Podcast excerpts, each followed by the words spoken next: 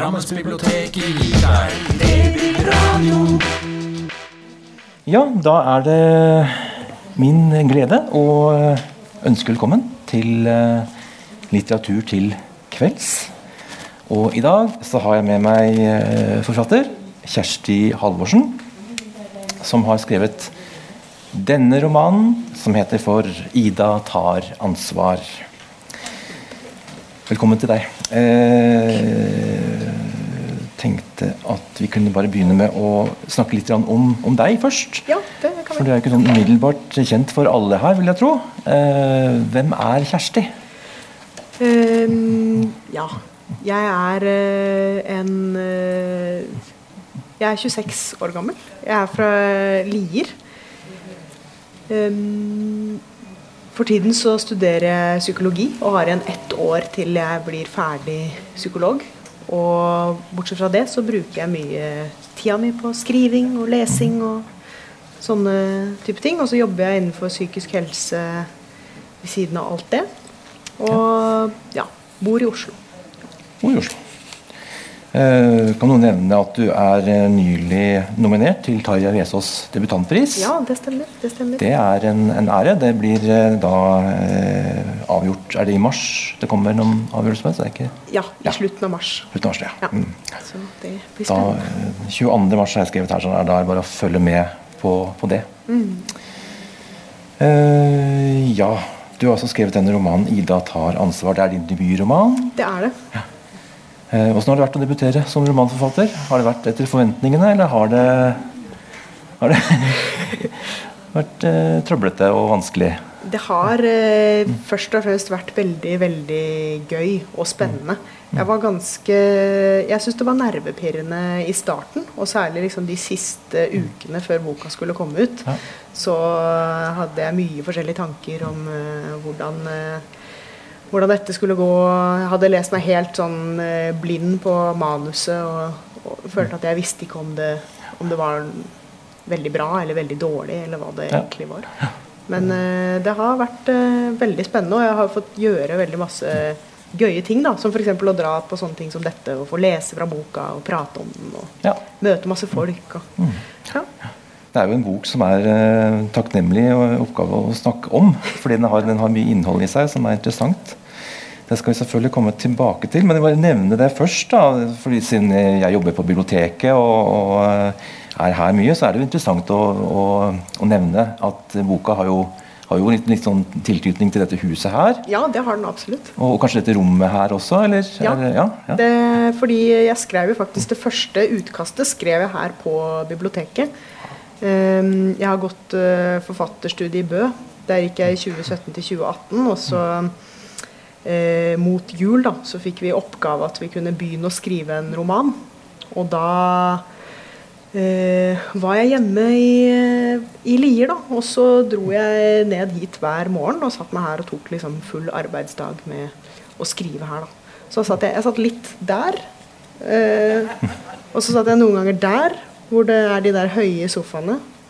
Og ja, noen ganger gikk jeg og henta meg litt å lese. Og, ja. ja, det var skikkelig fint. Det er en veldig fin skriveatmosfære her i, på biblioteket, syns jeg. Så. Jeg sitter av og til og skriver sjøl her, jeg, altså. mm. men da er det ofte sånn kjedelige ting. Sånn lister på IT-utstyr og sånn. Ja. Nei, eh, nok om meg. Da tenker jeg at vi kanskje kan gå Ja, for du, du kan nevne at du er psykologi. Du sa det i stad, at du er, eh, går på ME-studiet i psykologi. ja, det stemmer. Eh, hva er det som hva som fikk deg til å begynne på det? Hva er det som trigger deg i forhold til eh, psykologifaget? og det å Ja, det er, eh, det er et stort psykologi. spørsmål. Men jeg tror kanskje det er litt det samme som får meg til å være interessert i litteratur og lesing og skriving. Da. At det er på en måte Ja, for det er en linke der altså mellom skrivinga og romanen og, og, Ja, det vil jeg- det? Ja. Det vil jeg absolutt si. At det er liksom det med å prøve å forstå eh, mennesker og hvorfor de er som de er, og hvordan vi snakker til hverandre, og kanskje ikke alltid forstå hverandre, og hvorfor noen får det veldig vanskelig, og hvordan man kan hjelpe dem, og sånne type ting. da. Ja. Så den bakgrunnen spiller jo definitivt inn i hvordan jeg har jobba med den boka, som handler om en psykologistudent. Mm. Så jeg tenker at det spiller inn både i hvordan jeg har eh, jobba med karakterene og handlingen og på en måte det innholdet der, men i tillegg så er jo hovedpersonen veldig opptatt av psykologi og Ja. sånne teorier og modeller som man lærer det første Mm. studieåret. Ja, for hun fra Segway sånn segwaye inn til, til Ida, da, som boka handler om, selvfølgelig. Eh, så kan vi jo snakke litt om, om henne, for hun eh, går jo, som du sier, på, på sånn årsstudie i psykologi. Eh, hun er 22 år. Yep. Ja. Hvem er Ida ellers når vi møter henne i begynnelsen av, av denne boka? Ida er eh, hun, Når vi møter henne, så bor hun eh, hjemme hos eh, moren sin i et hus på Engelsrud i Asker. Eh, hun er veldig spent på at hun skal begynne å studere i Oslo, og grugleder seg egentlig litt til det. Hun har prøvd å studere en gang før, og det gikk ikke så veldig bra av forskjellige grunner. Og så um, begynner boka med at hun kommer inn på årsstudiet med psykologi. da. Og uh, hun er litt ambivalent til det, fordi det er, uh, hun gleder seg til å liksom flytte for seg selv og dra til Oslo og lære spennende ting og sånn, men hun har også en veldig sterk frykt for at det skal skje noe veldig farlig inne i Oslo. Da nærmere bestemt at det skal skje et uh, terrorangrep. da. Type skoleskyting på Blindern. Så det er en sånn ting som blir veldig altoppslukende for henne, og som hun bruker mye tid til å tenke på. Og, ja. og så etter hvert så får hun jobb som Foodora-syklist, og liksom sykler rundt og tenker på psykologi, Ja. egentlig. Ja. Hun tenker i hele tatt eh, veldig mye, Ida. Hun Mm. er en, et grublende menneske på Ja. mange måter. Det er vel riktig å si det? ja, hun er jo det. Hun har mye sånn eh, katastrofetanker om forskjellige ting, og generelt mye fantasi, egentlig. Ja. På godt og vondt. Ja. Eh, og det er jo der ofte Det er jo en del altså, det er jo ganske mørke temaer du tar opp i denne boka, så kommer tilbake igjen til det, selvfølgelig. Eh, men det er jo også mye humor i det du skriver om. altså det er jo sånn fordi Mm. eh, det blir litt komisk hvordan du tenker. Og sånn er det vel kanskje også med alle mennesker. At det er litt sånn komisk hvordan vi tenker av og til. Mm, ja, det er jo det, som er det. skrevet ut i, romanen. Ja. Vi kan kanskje gå over til Skal vi se Ja, for hun begynner på psykologistudiet. Eh, og så eh, er hun student på Blindern og prøver å famle seg fram i, i, i, i det miljøet der. Får seg venner, møter eh, de her på hybelen i, i, eh, i kollektivet. Og etter hvert da, så, så møter hun en, en person. Eh, Men kanskje du skal ta lese litt høyt eh, fra begynnelsen av boka? Fra altså? åpningen? Ja, kanskje det? Ja, det kan jeg godt Kan vi ta det eh, først? Det kan jeg godt gjøre. Ja. Eller eh, vet du hva, jeg tror ikke jeg skal lese åpningen, for den har jeg lest så mange ganger. Men jeg kan lese eh, et sted fra begynnelsen, Ja. hvor, om hjemstedet til Ida, Engelsrud. Ja, gjør det. Ja. Engelsrud ligger i nærheten av Dikemark. Et tradisjonsrikt oppholdssted for personer med diverse psykiske lidelser. En stund var det bestemt at det var her Breivik skulle sone. Det betyr at det er folk der som har gjort noe tilsvarende. Jeg prøver ikke tenke på det når jeg går hjem. Noen som lusker i krattet. Om en av dørene kan ha blitt stående åpen. At kveldsvakten, en sommervikar, har slurvet med låsingen. At hun ville hjem og sove hos en hun var forelska i, som venta på henne. Jeg vet at nesten ingen psykisk syke er farlige. Men farlige folk finnes. Det er det ingen tvil om. Det finnes folk som kaster syre i ansiktet på tilfeldige kvinner. Hvert år er det én eller to eller tre, bare i Norden, som forsvinner på vei hjem fra fest eller jobb eller joggetur og blir funnet drept noen dager senere. Når det først har skjedd, hjelper det ikke at folk leter etter dem eller legger ut bilde av dem på Facebook. De er like forsvunnet. Det er ingen ulykke. Det er noen som gjør det mot dem. Det kommer ingenting godt ut av å tenke på det nå, mens jeg går her. Likevel går jeg her. Likevel tenker jeg på det. Ingen er hjemme. Jeg kunne i praksis forsvunnet nå, blitt borte uten at noen la merke til det eller lette etter meg. Kanskje ikke før om noen dager. Da ville det vært for sent. Det er ikke til å komme utenom. Sånne folk finnes. På forhånd kan de virke normale og sjarmerende. Man trenger ikke være sinnsforvirret utover f.eks. å gå rundt og lure på hvordan det føles å drepe noen med hendene kontra med en hard eller skarp gjenstand. Mange går rundt med sånne tanker. Det er helt vanlig å eksempel se for seg at man dytter sidemannen ned på T-banesporet idet banen fyker inn på perrongen, og det i seg selv gjør en ikke til et dårlig menneske. Det vesentlige er å skille mellom tanke og handling, men når det begynner å svikte, kan forferdelige ting skje. Det kan være at en utspekulert fyr ligger og venter på en akkurat som meg. Trøtt, uoppmerksom, musikk i ørene, vonde sko, hva som helst.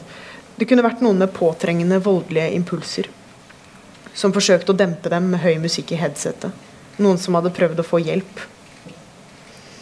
Så når jeg går hjem, later jeg som jeg snakker i telefonen. Hensikten er at potensielle overgripere skal tro at dersom de brutalt river meg ut av samtaler, vil det vekke oppsikt hos den jeg snakker med, som trolig vil ringe etter hjelp. Jeg gjør det på denne måten. Hei, hva skjer? Jeg lar det være en liten pause, og så Jeg er på vei hjem nå. Ja, kjempehyggelig. Couscous-salat og dadler med bacon. Det falt i smak. Jeg spør hva den andre har drevet med. For troverdighetens skyld lar jeg det være en hull som eventuelle lyttere selv må fylle. I løpet av den tiden sier jeg ting som 'ja, ikke sant' og 'seriøst'. Jeg stiller oppfølgingsspørsmål. Hvorfor kom ikke Mats? Hvordan går det egentlig med ham om dagen? I en bekymret tone. Deretter overbærende 'ja, jeg vet'. Han setter nok pris på å bli invitert. For at ingen skal tro jeg bor alene når jeg nærmer meg huset, sier jeg at jeg straks er hjemme. Kan vi snakke mer når jeg kommer inn? Sett på vannkokeren, du. Så lar jeg det virke som den andre parten snakker mens jeg låser meg inn. Først inne i huset er jeg trygg, fordi jeg har kommet meg helskinnet gjennom den skumle strekningen, og delvis også fordi det nesten føles som om det er noen der inne som venter på meg med nykokt vann og hverdagslige bekymringer, om noen som f.eks. heter Mats. Eh, Etter hvert, eh, så når hun kommer litt i, gjenge, så møter hun en person på, eh, på eh, litt sånn tilfeldig. Aksel. Aksel, ja. Ja. Vi snakker litt om han. Hvem er Aksel? Hva er foranledningen her til at de kommer i, i snakk? Og hvordan ja. utviklet det her seg? Um, Aksel er en, en gutt som er ca. like gammel som Ida. Hun møter han på Blindern, eh, hvor han driver og liksom henger litt rundt og oppholder seg. Um, og hun har liksom sett han gå litt rundt på campus og tenkt at han ser litt sånn pussig ut. Så kommer hun i snakk med han en gang han eh, trenger eh, hjelp av henne til å printe. Noe som er et vanlig Blindern-problem. Og så eh, Jo, han er der fordi han eh, tar opp fag på tredje året for å komme inn på medisinstudiet. Eh, og Ida blir veldig sånn eh, urolig av hele hans eh, fremtoning. Da. Han eh, er veldig mørk i hvordan han snakker om forskjellige ting, og viser etter hvert noen litt sånn skumle holdninger til eh, samfunnet, egentlig, og særlig da kvinner. Ja. Og hun sjekker ut liksom, på Facebook og sånne ting, og, så, Ja. og der stiller han jo opp med våpen, var det ikke sånn? Eller? Jo, han, han er interessert i, i eh, jakt, men eh, han liker også å posere med våpenet sitt på Ja. internett. Så, hun fanger skummel. også opp at han er eh, antagelig på et sånn forum, da. Et sånn eh, eh, Reddit-forum, Mm. som er et sånn sosialt medium. Eh, og der de, det, I sånn incel-forum, er det det det heter? Ja. Mm, ja, incel. Hva, hva er incel? Kan du forklare det? Ja, eh, altså incel er eh, Det står for eh, involuntary celibacy, som betyr ufrivillig sølibat. Eh, så den gruppa, eller bevegelsen, hvis man kan si det, da, det er på en måte stort sett menn. Som føler seg veldig sånn forbigått og satt til side av kvinner. Og ja, de føler at de ikke får det til med å få seg kjæreste, da. Og at ingen vil ligge med dem. Og det er en ting som skaper mye frustrasjon og ensomhet, og også etter hvert ganske mye sinne. Og en del sånn fantasier om uh, vold og hevn og mye sånn vanskelige ting. Da. Og innenfor dette her eh, rommet her, da, som på en sånn eh, rom der de skaper sitt eget språk, på en måte, altså egne begreper Ja, de gjør det. om, om hvordan eh, verden er, og, og hvordan de forholder seg til den i forhold til disse tingene her. Ja. Hvordan møter Ida Aksel i dette, dette her? Altså, hva- hva er det som fascinerer henne med Aksel, og hvorfor tar hun opp kontakten og fortsetter å holde kontakt med ham? Ja, er, eh, ja. Ida får jo en eh, hun, hun får en følelse av at Aksel er eh, Eller hun vet at han driver og oppholder seg på disse her forumene, da, hvor de diskuterer hvor mye de hater samfunnet og er sinte på kvinner og sånne type ting. Og hun, hun skjønner jo ganske raskt at Aksel ikke har det så veldig bra. Og at han har et vanskelig liv på mange måter. Han bor sammen med moren sin og driver med det her med å ta opp fag og får det ikke til noe særlig. Han har store ambisjoner, da. Han Ja, ønsker jo å bli ambisjoner. lege, men han har ikke helt kommet seg forbi det stadiet på videregående. der han er ferdig med er fagene. Ja. Og så bruker han jo mye tid på de forumene og gaming og Mm. sånne type ting. Og virker generelt som at han har det ganske tungt, da, ut ifra hva han sier til Ida om livet sitt og sånn. Mm. Så Ida får en veldig sterk trang til at hun må hjelpe ham Ja. med å få det bedre. Men hun liker han ikke. Altså det er liksom sånn, eller det får man i hvert fall inntrykk av at det er i hvert fall Ja. litt sånn ja. Det er vel på en måte en uh, blanding av at hun er litt eh, Hun eh, er jo veldig sånn eh, omsorgsfull på en måte Ja, ja. overfor han og ønsker at han skal få det bedre og klare seg. Mm. Og, og også at hun begynner å bli ganske bekymra for hva han kan komme til å finne på hvis eh, det ikke snart eh, Hvis ikke flaksen hans snart snur, da. For det er en ting jeg glemte å si i stad om de eh, incel-miljøene. At eh, det er jo faktisk flere eksempler på at folk som har tilhørt sånne kretser, har eh, begått terrorangrep. ja, det har jo skjedd ganske nylig også, har jeg skjønt. Det I Tyskland var vel delvis eh, linket mot det. Ja, det er jeg litt usikker på, men det som er eh, interessant, er jo at mye sånn eh, høyreekstrem eh, terror, eh, som er det vi på en måte har hatt for det meste i Norge, f.eks. Eh, mye av det høyreekstreme tankegodset, det siver jo mye inn i Ja, det er, det er incel-kulturen. en, eh, en veksel der, ja. Ja, det er en sånn eh, en del ting som de deler, og en del ting som er unikt, kan man kanskje si, da, for eh, incel-bevegelsen. Og at de er på en måte mer opptatt av eh, at de eh, som individer har det vanskelig og er avvist av samfunnet, men er også på en måte opptatt av at eh, eh, mulighetsrommet for eh, hvite menn blir innskrenket, og en del sånne type ting da, som på en måte går mer i det høyreekstreme landskapet. Ja. Så det er eh, en blanding av fascinasjon, og det er eh, litt sånn eh, eh, Ja, hun tar jo ansvar altså for at det ikke skal skje noe eh, terrorangrep. eh, som så hun innleder på en måte et vennskap eller bekjentskapsforhold til han. da, følger litt med. Ja. Kan du lese et, en passasje eh, om Aksel? Beskriver han litt? Grann? Det kan jeg. Skal vi se. Jeg tenker vi tar den eh, Reddit-passasjen, jeg. Ja. Fordi eh, her vi kommer i handlingen nå, så har Ida sagt ja til at hun skal hjelpe Aksel med å ta opp norsk. Som er liksom den, den store, det store hinderet for Aksel å få god karakter i norsk. Eh, som Ida er god i. Eh, så hun har sagt ja til å hjelpe han og ha noen sånne møter med han på biblioteket. Og da har hun sett at han er inne på Incel-forum. Eh, og blir litt ehm, Hun vet ikke hva det er fra før, men hun begynner å sjekke ut det, da. Tilbake på Kringsjå blir jeg nysgjerrig på redditen Aksel var på, og søker opp forumet. Incel står for Involuntary Celibacy. Det later til å være en slags støttegruppe for menn med begrenset seksuell erfaring. Hvorfor ikke, tenker jeg. Det finnes støttegrupper for alt mulig annet. Angst, depresjon, kreft, sorg. Brukerne hevder at sølibatet deres er ufrivillig, at det er noen som holder dem der. Merkelig måte å tenke på sex. Jeg klikker meg rundt i forumet, leser nye og gamle innlegg. Det føles som en merkelig antropologisk undersøkelse. Som å sitte på kafé og lytte til fremmede som snakker sammen. Det er mange brukere, men få av dem poster aktivt. Noen memes, men de fleste innleggene er rene tekster, hvor folk skriver om livene sine. Jeg vil ha kjæreste, skriver en som kaller seg Accelerate. Men jeg har ikke noe håp om det. Jeg prøver å forbedre meg, bli en fyr det er lettere å like. Sånn som jeg er nå, er det ikke lett for folk. Jeg er oppsiktsvekkende stygg, skriver han. Jeg er skinny fat med cystisk akne og lys pinglestemme. Dessuten bor jeg hjemme hos moren min. Jeg skjønner at ingen vil date en beta-taper som meg, men vet ikke hvordan jeg skal komme meg videre. De har utvikla et slags felles språk som bl.a. deler menn inn i alfa og beta. Det tilsvarer vinnere og tapere, ledere og underdanige.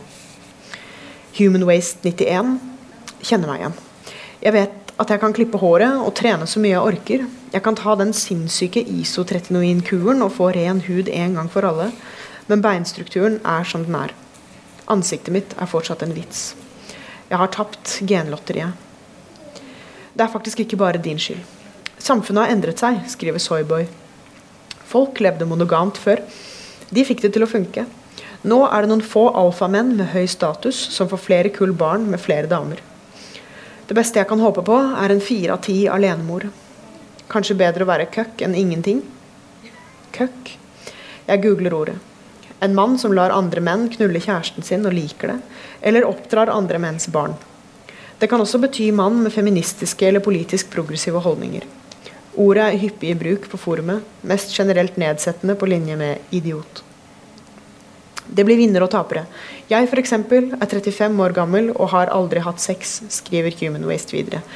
Og har heller ingen grunn til å tro at det kommer til å skje. Det er veldig lite som holder meg gående nå. Jeg vil ikke ødelegge julefeiringen for foreldrene mine, så jeg har lovet meg selv å holde ut til over nyttår. Jeg stopper opp, leser setningen igjen. Disse menneskene må være de mest ensomme i verden. Ingen å prate med, utenom anonymt på nettet. Så mye skam. Accelerate skriver Vær så snill, send meg en melding, så kan vi ta en prat. Det blir bedre, det lover jeg. Livet kan være ensomt, men det er alltid verdt det. Det var snilt, tenker jeg. De støtter hverandre, men fyrer de ikke hverandre opp også? Ingenting gir mening lenger, skriver Maga69. Jeg har ingen utsikter til jobb i dagens marked. Jeg har ingen talenter, har droppet ut av skolen og har vært NEAT i fire år. Jeg googler det også. NEAT. Not in employment, education or training. Arbeidsledig uten studieplass. Trådstarter, du høres ut som en bra fyr, skriver Soyboy. Du skriver at du tar vare på moren din. Det er det som gir mening. Å ta vare på hverandre. Ikke meningsløse one night stands. Accelerate skriver Jeg vil bare ha en følelse av at jeg kanskje ikke kommer til å dø alene. Jeg har ingen selvtillit eller social skills. Sannsynligvis fordi jeg ble mobba som barn. Det er uansett aldri tilfeldig hvem de velger. Akkurat nå virker alt så håpløst. Jeg trykker på brukernavnet, finner posthistorikken til Accelerate. Han er ganske aktiv på forumet, også på et gamingforum og et om ølbrygging. Helt vanlige ting, midt blant alt grumset. Hva om en av dem er Aksel? Er dette hans tanker, hans venner? Fritidsaktiviteten hans når han ikke spiller eller leser til eksamen? Jeg tenkte på boka han kjøpte. Unge Werther som aldri kan få Lotte. At Werther er verdens første incel. Og så slår det meg. Accelerate. Aksel. Eh, den unge Werthers lidelser av eh, Goethe, er det vel? Yep. Kom på 1700-tallet, så det er en stund siden. Mm. Men det er på en måte sånn ur-incel-boka. Ja, Sånn, jeg, er ikke helt, eh, jeg er ikke helt sikker på det. Men eh, det er jo, den handler jo om en, eh, om en lengtende mann som Ja. ikke kan få den kvinnen han er forelsket i. ja, og Aksel han leser jo denne boka her når de møtes, er det ikke sånn? Jo, han, han kjøper den på bokhandelen på Blindern. Ja. Så, så eh, dette er da bakgrunnen for møtet mellom eh, Aksel og Ida. Men så møter hun en person til, hun møter flere, men det er jo en annen uh, gutt med i bildet, mann i bildet. eh, Jonas. Ja. Uh, kan du si litt om han og hans funksjon i dette her? Ja, Jonas er en fyr som Ida Som Ida møter når hun er ute og sykler eh, og leverer mat, som Foodora-bud. Da møter hun Jonas, som også er et Foodora-bud. Eh, og de blir kjent med hverandre. Eh, Jonas er vel litt sånn eh, Han er på en måte en ordentlig fyr, men eh, litt sånn streifer litt rundt og vet ikke helt hva han skal finne på. Tar litt forskjellige fag og sånne type ting, men eh, han er han er snill og flink, og Ida blir eh, interessert i han. Eh, ja, Så det er en sånn eh, flørt som hun innleder ganske tidlig, da. Ja. Så du har på en måte tre personer. Det er ja, Trekantdrama er kanskje å ta det langt, men det er jo tre personer som er, er i bildet her, da. Mm. Den, den, som, Ida som er en sånn flink pike og veldig skoleflink og veldig nevrotisk. Ja. Vimser litt fram og tilbake, tenker mye.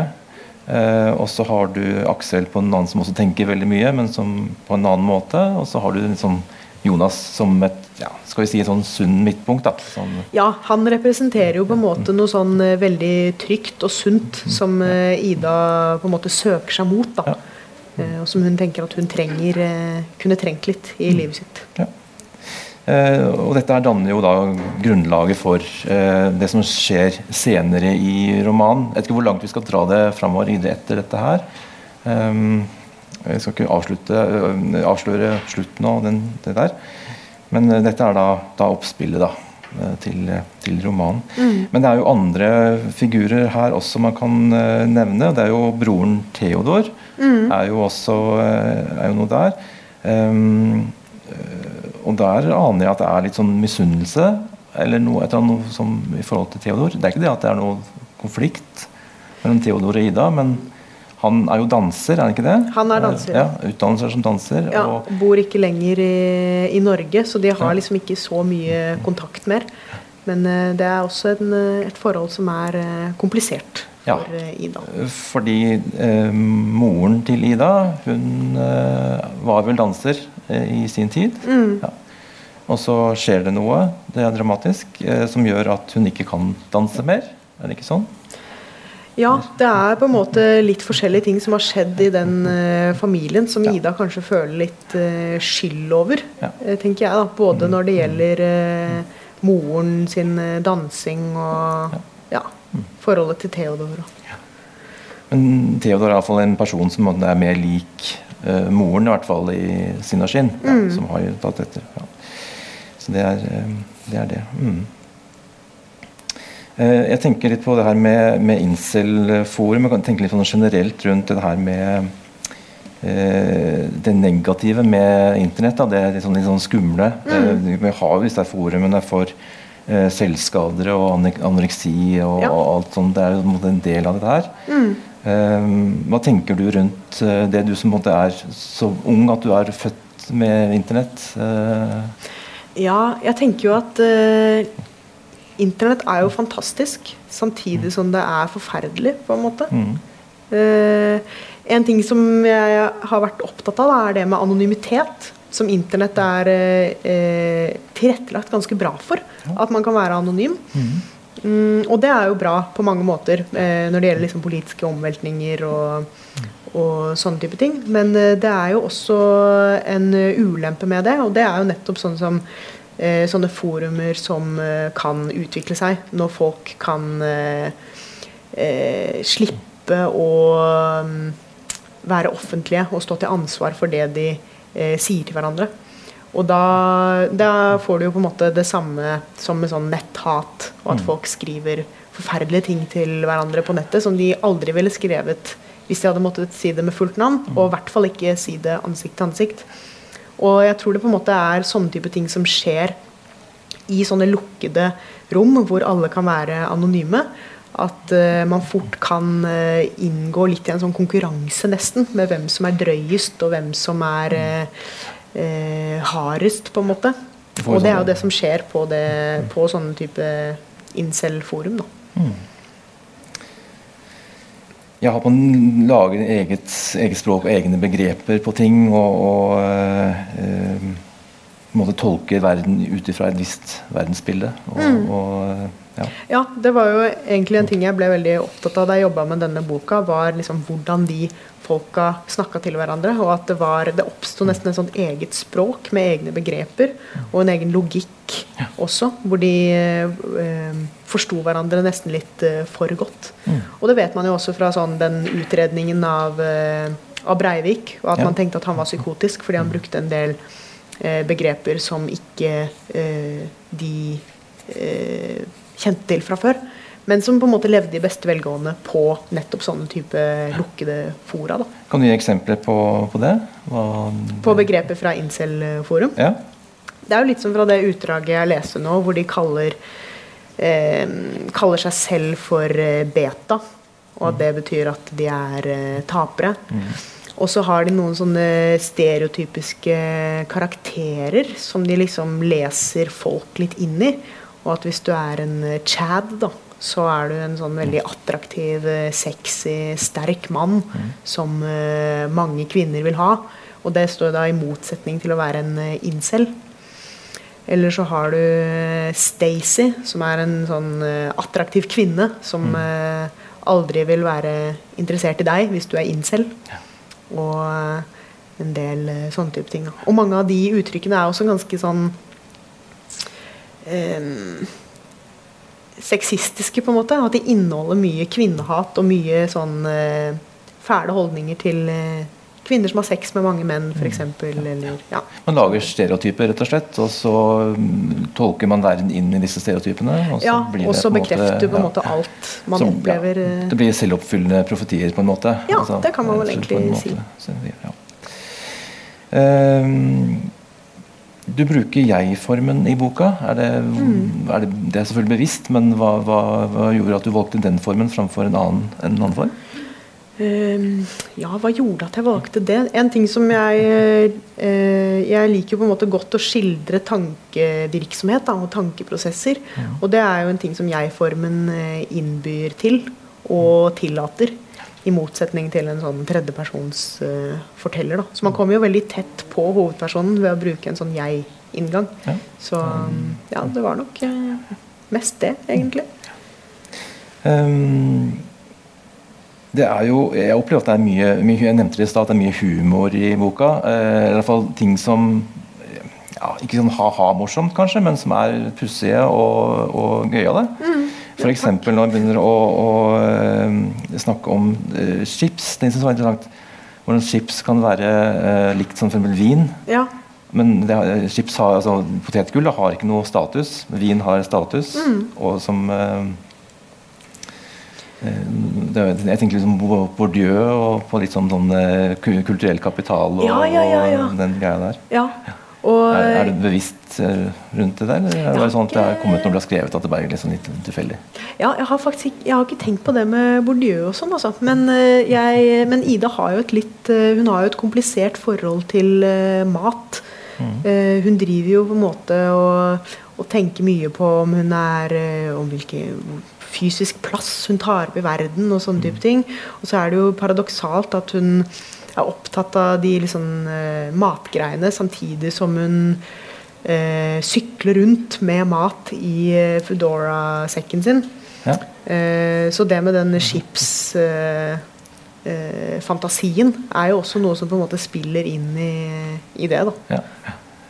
Går, hun snakker liksom om eh, chips altså Man tenkte på chips som, som samme måte som på vin. da, At man hadde egentlig chipsutsalg og chipsblogger og Ja. opplæring i hvordan man skal spise chips. Ja.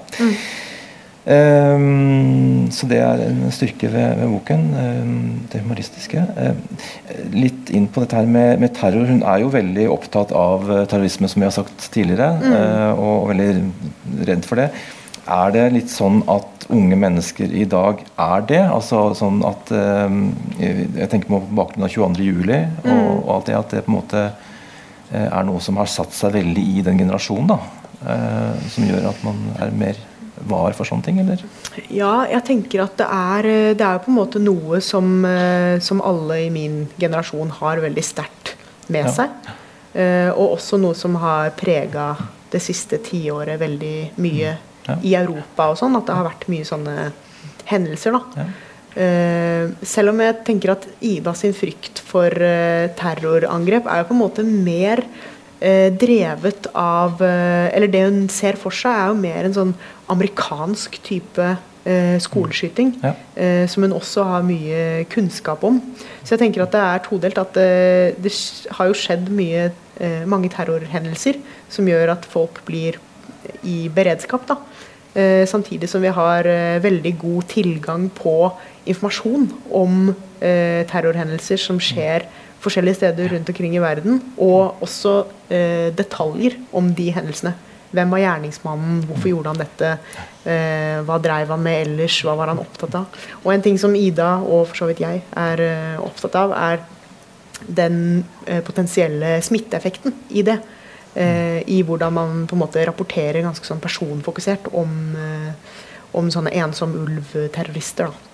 Og det er en ting som har bedret seg i noen grad altså, de siste årene, men som fortsatt er veldig sånn eh, Jeg tror det er veldig fristende for aviser å satse på den vinklingen for å på en måte få klikk og visninger og sånne ting.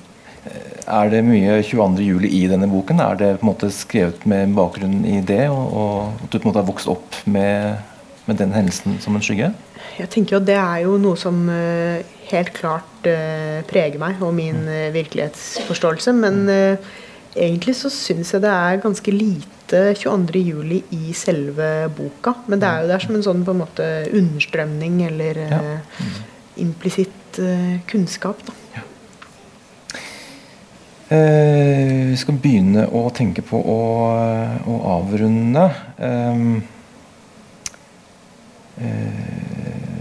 tenker jeg at ja, Vi kan snakke litt om det å være en ung debutant på et stort forlag. Eh, hvordan har du opplevd eh, det? Og på en måte ja. eh, få ja, altså bare sånn, prosessen i forhold til utgivelse og alt ja, det der. Sånn, ja. Um, ja, jeg, jeg Da jeg gikk i Bø, så drev jeg skrev mye sånn korte tekster og litt noveller og sånne type ting. Og så sendte jeg inn de til det som heter Signaler, som er mm. Cappelen Dam sin sånn årlige debutantantologi. Mm. Um, og samme dag som jeg uh, var med der, og vi hadde sånn slippfest fra den antologien, og sånn, så var det en uh, redaktør som hadde sin første arbeidsdag på Cappelen Dam. Ja. Uh, så hun hadde liksom helt tomt skrivebord da, og lette etter nye manus å utvikle. Så da kom jeg i kontakt med henne og sendte henne det, det liksom utkastet jeg hadde, som jeg hadde skrevet uh, det året i Bø. Mm. Og da tenkte jeg sånn Ja, dette er jo Nå har jeg skrevet en roman. Men uh, det viste seg at jeg hadde ikke helt det ennå. Så uh, vi jobba videre med den sammen. Og ja, det har egentlig vært veldig noe av det gøyeste jeg har gjort, egentlig. Å jobbe med å utvikle det manuset. Selv om det også har vært på en måte utmattende og litt uh, trist noen ganger. Å slette mm. ting som jeg mm. egentlig syns var bra. og, og ja, sånne ting. Så, ja. Mm. Men uh, jeg syns det har vært veldig interessant. Mm. Og ja, føler meg beredt til å kunne Eller jeg vet litt mer hva det innebærer å skrive en bok nå, da. Mm. Jeg eh, tenkte du kunne lese noe avsluttende fra, fra boka. Ja. Um, jeg ta en siste passasje på det. Yes. Um, da tenker jeg at jeg skal lese et, um, et utdrag hvor Ida tenker på, tenker på angst. Og at hun eh, For hun har jo mye sånn engstelse og uro som hun gjerne skulle bli bare kvitt. Uten å slippe Eller uten å måtte gjøre noe mer for det. Eh, så her har hun en sånn eh, fantasi om det, da. Jeg ligger etter med lesingen. Hjemme i hybelen er jeg trygg. Hadde jeg klart å lese her, konsentrere meg, hadde alt vært i orden. Tanken på Blindern gjør meg kvalm og svimmel. Jeg kan ikke slutte å lese bare fordi jeg har angst. Alle har angst. Alle må finne en måte. En gang hørte jeg om en fyr, sannsynligvis i USA, som produserte for mange blodceller. Pga. dette måtte han årelates jevnlig for ikke å Ja, for ikke å hva? For mye blod er tydeligvis ikke bra. Lurer på hvordan det går, om huden buler ut og kan sprekke opp fra trykket og Nei, det trenger jeg ikke tenke på. Mannen som produserte for mye, måtte tappe overskuddsblod. Man kunne ikke gi overskuddsblodet til blodoverføringer. Bare helt friske folk kan gi blod som skal overføres senere. Det må være rent. Tenk om man kunne spare opp og tappe angsten på samme måte. Denne kroppen er en angstmaskin. Jeg kunne jobbet i en angstfabrikk og blitt månedens ansatt. Jeg ville kommet klokka ni og festet elektroder til hodebunnen med elektrodegelé. Så ville jeg engstet meg ferdig. Når jeg dro for kvelden, ville jeg levere inn et rør av rød væske til damen i resepsjonen. Hun ville sagt 'God helg, Ida'. Bra jobba. Jeg ville vasket elektrodegeleen av meg, følt meg glad og letta på trikken hjem. Det finnes sikkert et marked for å omsette angst. Man kunne f.eks. gitt det til helsepersonell som ønsket fenomenologisk erfaring med angsten. De kunne fått det distribuert på en eller annen slags workshop i regi av behandlingsapparatet. Og så kunne de prøve 15 minutter med moderat angst før de gikk til velfortjent lunsjbuffé. Eller man kunne gi angsten til personer som ble henta av ambulanse fordi de hadde pådratt seg beinbrudd og lignende i forbindelse med ekstremsport. Sånne folk provoserer meg litt. De stjeler unødvendig fra fellesskapet. Folk som driver med ekstremsport, burde skrive under på at de ikke skal ha hjelp av helsevesenet hvis de skader seg. Da snakker vi ekstremsport. Da snakker vi noe som står på spill. De kunne fått angst forebyggende, som depot, sånn som p-sprøyte. Ett stikk, og så hadde de litt angst fram til neste dose om tre måneder. Hvem vet, kanskje de ville likt det. Sånne folk syns jo tydeligvis fryktaktivering er digg. De ville begynt å omsette angstsprøytene illegalt. Man kunne brukt det til å kurere spillegalskap også. Man kunne brukt det i kriminalomsorgen. Det ville ikke skjedd i Norge, men kanskje i Kina eller Russland. Personer som hadde påført andre angst, kunne velge å få sprøyta. Det ville fungert som fotlenke. For de ville ikke ønske å gå ut av huset uansett i den tilstanden. Humanitære organisasjoner ville protestert. Hvis man kunne tappe angst, ville det effektivisert kjøttproduksjonen. Kyrne får noia når de forstår at de skal dø. Dette preger kvaliteten på kjøttet. Måtte man gitt angsten videre etter tapping? Hvis man var uforsiktig og helte det ut i havene, ville det påvirke kvaliteten på drikkevannet. Man ville få hele byer hvor alle hadde litt angst. Angsten trengte seg inn i grønnsakene, morsmelken. Man ville måtte lagre det som atomavfall isteden. Langt under bakken.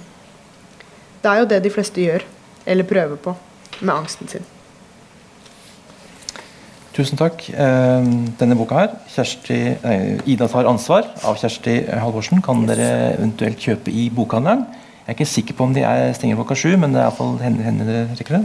Vi har sjekka, vi har den på lager. Så det vil jeg anbefale dere. Dette er en bok som, eh, skriver, som snakker om noe veldig viktig i, i samfunnet vårt. Som prøver å, å ta, ta, noe eh, opp i lyset som er eh, både mørkt og vanskelig. Men det er også skrevet på en veldig morsom måte. Så det er dagens anbefaling. Tusen takk for at du kom, Kjersti. Ja, takk for at jeg fikk komme. Takk.